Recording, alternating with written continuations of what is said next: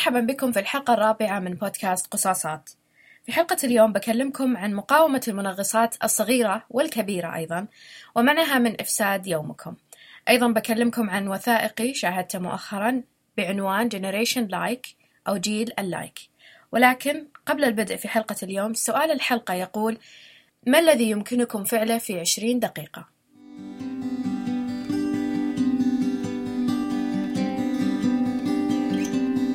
قرأت موضوع مؤخرا كتبته ريبيكا ويبر في مجلة Real Simple. تحدثت فيه عن المنغصات الصغيرة والكبيرة التي إذا ما قاومها الشخص أو حاول تفاديها ستفسد يومه. وأوجزت في هذا الموضوع مجموعة من النصائح التي جربها الخبراء وجربتها هي شخصيا في محاولة علاج هذه المشكلة. الطريقة الأولى لمقاومة المنغصات اليومية هي فصل أنفسكم عنها. افصلوا أنفسكم. أول ما تحصل مشكلة أو حدث سيء للإنسان يصدر الدماغ إشارات تحذيرية تشبه جرس الإنذار. كيف تقدرون تقاومون حالة الإنزعاج هذه؟ افصلوا نفسكم من الموقف اللي أمامكم. أي حاولوا تأخذون جانب يكون جانب الملاحظة والمراقبة بدلا من أن تكونون ماخذين جانب التأثر وردة الفعل. أيضا يفيدكم لو تنفستوا بعمق خلال ذلك ثم اطرحوا على أنفسكم أسئلة عاجلة قبل تقديم ردة فعل أمام هذا الموقف اسألوا أنفسكم هل أنتم تبالغون في ردة فعلكم الحالية؟ هل أنتم قلقين أكثر من اللازم من اللي قاعد يصير؟ هل ممكن أنكم تتركون هذا الشيء جانبا وتحاولون ترجعون له في وقت ثاني عشان تعالجونه؟ هذا ممكن تطبقونه على أي حدث سيء أو منغصات تحدث لكم يوميا مثلا آه القهوة صلحت لكم كوب قهوة طلع القهوة باردة. ما تقدرون تشربونها. ما في داعي إنكم تغضبون أو تنطلقون في ردة فعل شديدة بينما أنتم ممكن لو ركزتوا شوي إن الحل يكون إعداد كوب جديد من القهوة. الطريقة الثانية لتفادي المنغصات اليومية هي تصنع البهجة. أي إذا واجهكم موقف صعب أو مشكلة داخل العمل أو الدراسة أو حتى في المنزل حاولوا أنكم ما تتفاعلون معاها أو تتصرفون حتى تجربون شيء مبهج تحبونه. من بين هذه النشاطات المفيدة جدا المشي. اخرجوا للمشي. خارج المبنى داخل المبنى أي مكان تجدون أن المشي متاح فيه اذهبوا لعدة دقائق المشي والتنفس العميق. أيضا يمكنكم القفز أو الرقص أو سماع لموسيقى مريحة أو أي شيء ممكن يرخي أعصابكم ويجهزكم للتعامل مع المشكلة التي أمامكم. تقول غريتشن روبن مؤلفة كتاب مشروع السعادة أن كل الأشياء المفرحة مغلفة داخل رحلة مشي. تجد في هذا النشاط من أكثر الأشياء المفرحة التي إذا حرص الإنسان على استخدامه بشكل جيد بيساعده أنه يتفادى المنغصات اليومية. الحاجة الثالثة اللي ممكن تطبقونها لمقاومة هذه المنغصات وتفاديها هي المواجهة. عادة المواجهة هي آخر خيار يلجأ له الفرد بعد استنفاذ الخيارات الأخرى. فالتأقلم مع الأحداث المزعجة والانتقال خلال اليوم وتجاهلها تماما يعني أن أصبح عند الإنسان مرونة شخصية عالية. وهذا طبعا ما يحدث في يوم وليلة. الإنسان يحتاج إلى التدريب للوصول إلى هذه المرحلة. كيف الإنسان ممكن يولد هذه المناعة أمام الأحداث السيئة والمنغصات؟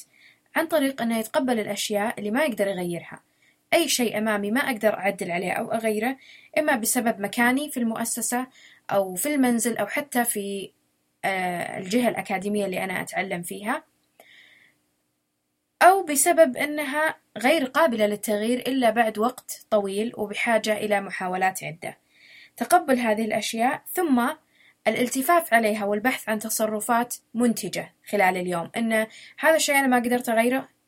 طيب أنا بجرب حاجة ثانية. مثلا يعني مثال بسيط وواضح لكم. إن الإنسان يلقى نفسه في ازدحام مجموعة من السيارات على الطريق.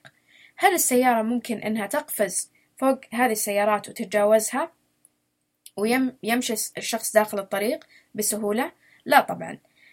الإنسان وجد نفسه في هذا الموقف بسبب عدة أشياء هو مو بقادر يغيرها. مو هو اللي يجمع السيارات هذه أمامه. لذلك في الوقت اللي هو ينتظر في هذا الازدحام الشيء الأفضل إنه يسويه إنه يستمع إلى كتاب صوتي يستمع إلى موسيقى يتحدث مع شخص معه في السيارة يتأمل يصمت يتنفس بعمق يفكر في أشياء كانت معلقة وما فكر فيها خلال اليوم. هذا وقت مناسب إنه يفكر فيها. طبعا هذا التصرف بيكون أكثر إيجابية وأصح لهذا الشخص من إنه يضرب المقود أو إنه يشتم أو يتلفت على الناس حوله ويشتم. ما يعني هذا التصرف ما راح يغير شيء من حقيقة أنه عالق في الزحام. لذلك المواجهة اللي أنا أتكلم عنها في هذه الحالة هي مواجهة الموقف بإيجابية. أنه يستثمر الوقت بدل ما يقضيه في الغضب ويأثر على نفسه على المدى البعيد.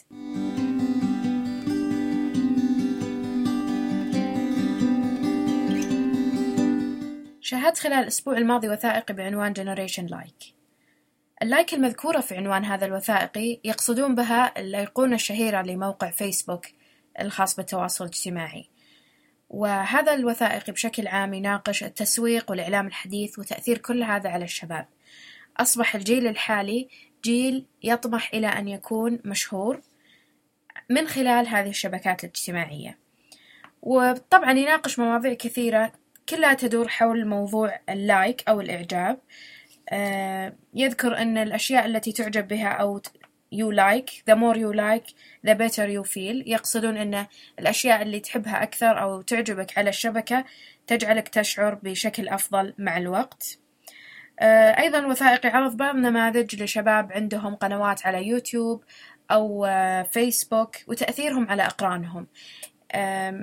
فيه نظريات جدا مدهشة لأول مرة أطلع عليها وبعضها كان عندي علم بها في السابق من طريق استخدامي للشبكات الاجتماعية أو من رؤية تأثيرها على الناس اللي حولي. يتكلم الوثائقي عن الأيقونات اللي يستخدمها هذا الجيل بكثرة ووضعها في ثلاثة like و tweet و reblog اللي هي ال like اللي هو من فيسبوك إعجاب بشيء معين أو tweet اللي هو تغريدة على تويتر أو reblog إعادة النشر سواء كان في Tumblr أو مواقع للتدوين الأخرى. آه، يتكلم الوثائقي عن الشباب كيف أنهم يصنعون معلومات مهمة ويقدمونها للمسوقين والشركات الكبرى عن طريق إعجابهم بشيء معين بمنتج معين وكيف أن الشركات من غير علم الشباب مع الوقت آه، تستخدمهم في التسويق لأغراضها. وأحيانا الشباب ما يحصلون على أي مبلغ مادي مقابل هذا الشيء. أيضا الوثائقي يتكلم عن مجموعة أخرى من هذا الجيل اللي اكتشفوا قوتهم وتأثيرهم على أقرانهم وبدأوا يستفيدون منها من خلال الشركات. يوصف بعضهم بأنهم moving billboard أو لوحة إعلانات متنقلة يكون يرتدي ملابس من شركة معينة أو يتناول طعامه في مكان معين أو يشرب قهوته من هذا المكان. والتسويق اللي هو يقوم فيه يحصل عليه على مبالغ مبالغ مادية أو على منتجات مجانا من هذه الجهة. في حاجة لاحظتها في هذا الوثائقي إنه ما كان يعني يعرض الصورة السلبية يعني ما ركز على الجانب السلبي لهذا الجيل اللي هو ال generation like أيضا ركز على الجانب الإيجابي كيف ممكن أن الشباب يستفيدون لدعم مستقبلهم أو كيف يلقون أنفسهم في أشياء يحبونها وتدعمهم الشركات الكبيرة في هذا المجال. تكلم عن المؤسسات اللي تقدم خدمات لنشر نشر شخص معين على الشبكة اللي هي تهتم بوضع صورة لك على الشبكات الاجتماعية وتقوم بكل العمل كيف تزيد متابعينك كيف تزيد تأثيرك كل هذه الأشياء زي شركات التسويق والإعلان الخاصة بالمنتجات لكن تكون آه، مقدمة للأشخاص على شبكاتهم الاجتماعية. الوثائقي تقريبا مدته ساعة ويفتح أذهانكم على مواضيع يمكن ما كنتم منتبهين لها من قبل. تلقون الرابط الخاص بالوثائقي في تعليقات الحلقة.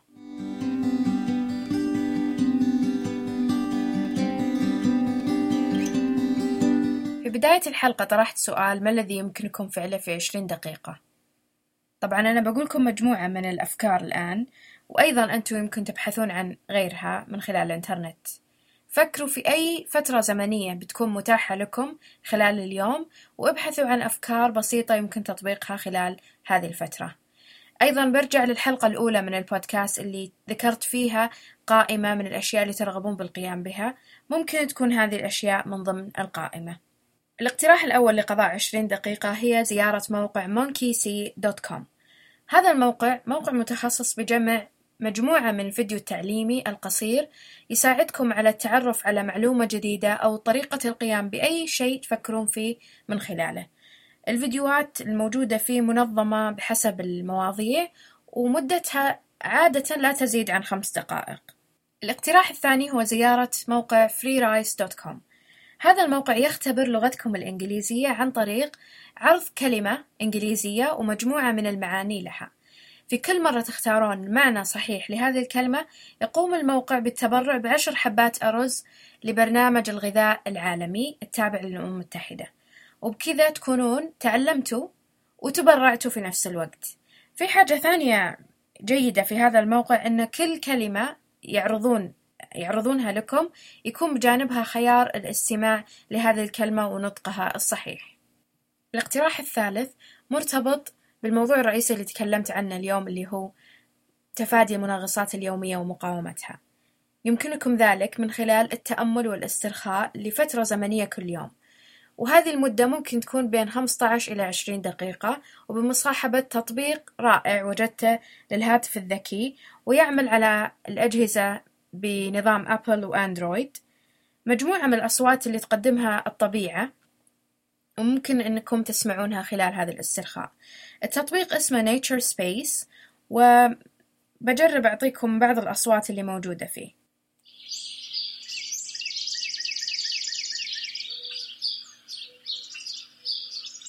هذا أصوات عصافير.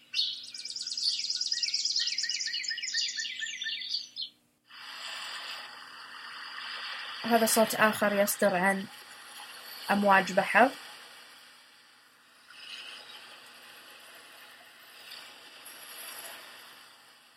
وفي صوت للمطر.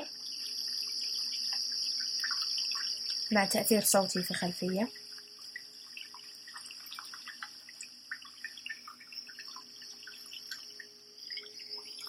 وفي أصوات ثانية أيضا تقدرون تحملونها من خلال موقع التطبيق على أجهزتكم. لكنها ما راح تكون مجانية لأن هذه الأصوات الموجودة في التطبيق موجودة بشكل مجاني.